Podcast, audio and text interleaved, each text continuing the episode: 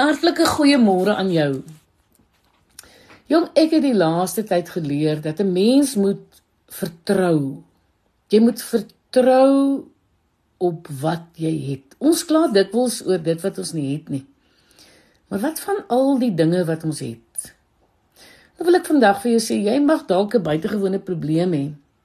Maar deur God se guns sal hy 'n doodgewone oplossing voorsien en jou laat oorwin. Dis wat met Samson gebeur het toe 'n magtige leer hom omring het. Hy was sonder wapens, hy was sonder beskerming en alles het teen hom getel.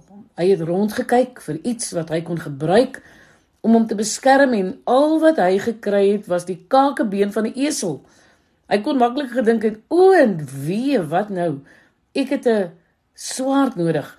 Ek het 'n skild nodig en hier sit ek met 'n kakebeen." Ja, dit was iets kleins en doodgewoon, maar Samson het dit nie versmaai nie.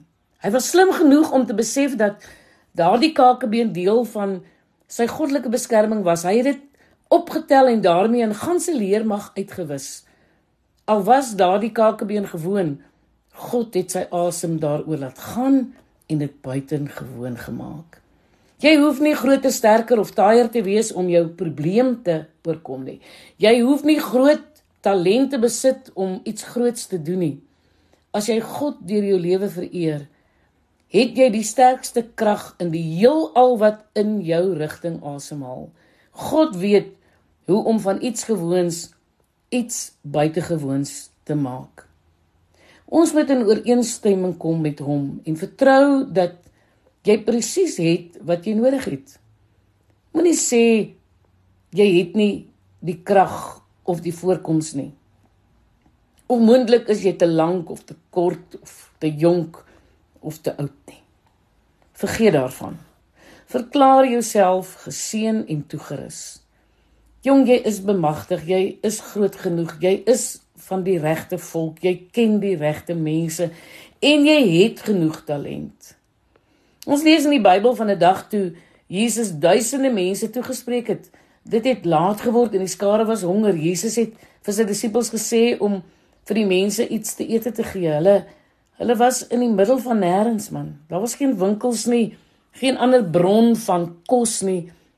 En vandag het die disippels gedink het Jesus die onmoontlike van hulle verwag. Maar jy moet weet, God sal jou nooit vra om iets te doen waarvoor jy nie toegerus is nie. Iemand sal dalk sê ek weet ek moet vergifnis toon, maar ek kan nie.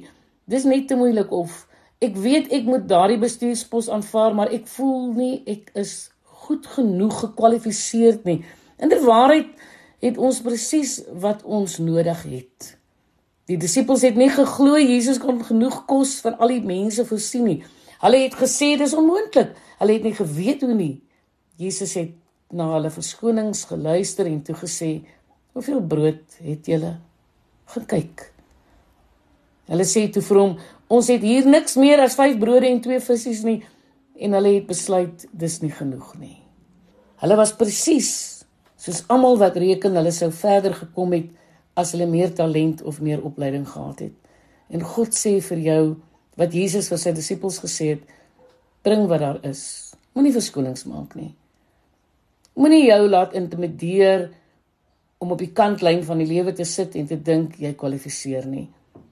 Nee, plaas jy jou lewe, jou drome, jou doelwitte en jou talente net in God se hande. Jy ken die res van die verhaal. Jesus het die 5 brode en 2 visse geneem, daaroor gebid en dit het vermenigvuldig sodat meer as 4000 mense daarmee gevoed is. Ja, dit gebeur net as jy vir God gee wat jy het. Hy sal dit vermenigvuldig. Wat het jy lyk nou miskien vir jou klein vergeleke met wat vir jou wag, vergeleke met die finansiële moeilikhede, mediese probleme of die omvang van jou drome. Jy kan maklik geïntimideerd raak, maar God sê vandag vir jou, bring dit vir my. Gee net vir my wat jy het en vertrou my daarmee. Ek is Lenet Beer vir Radio Kansel.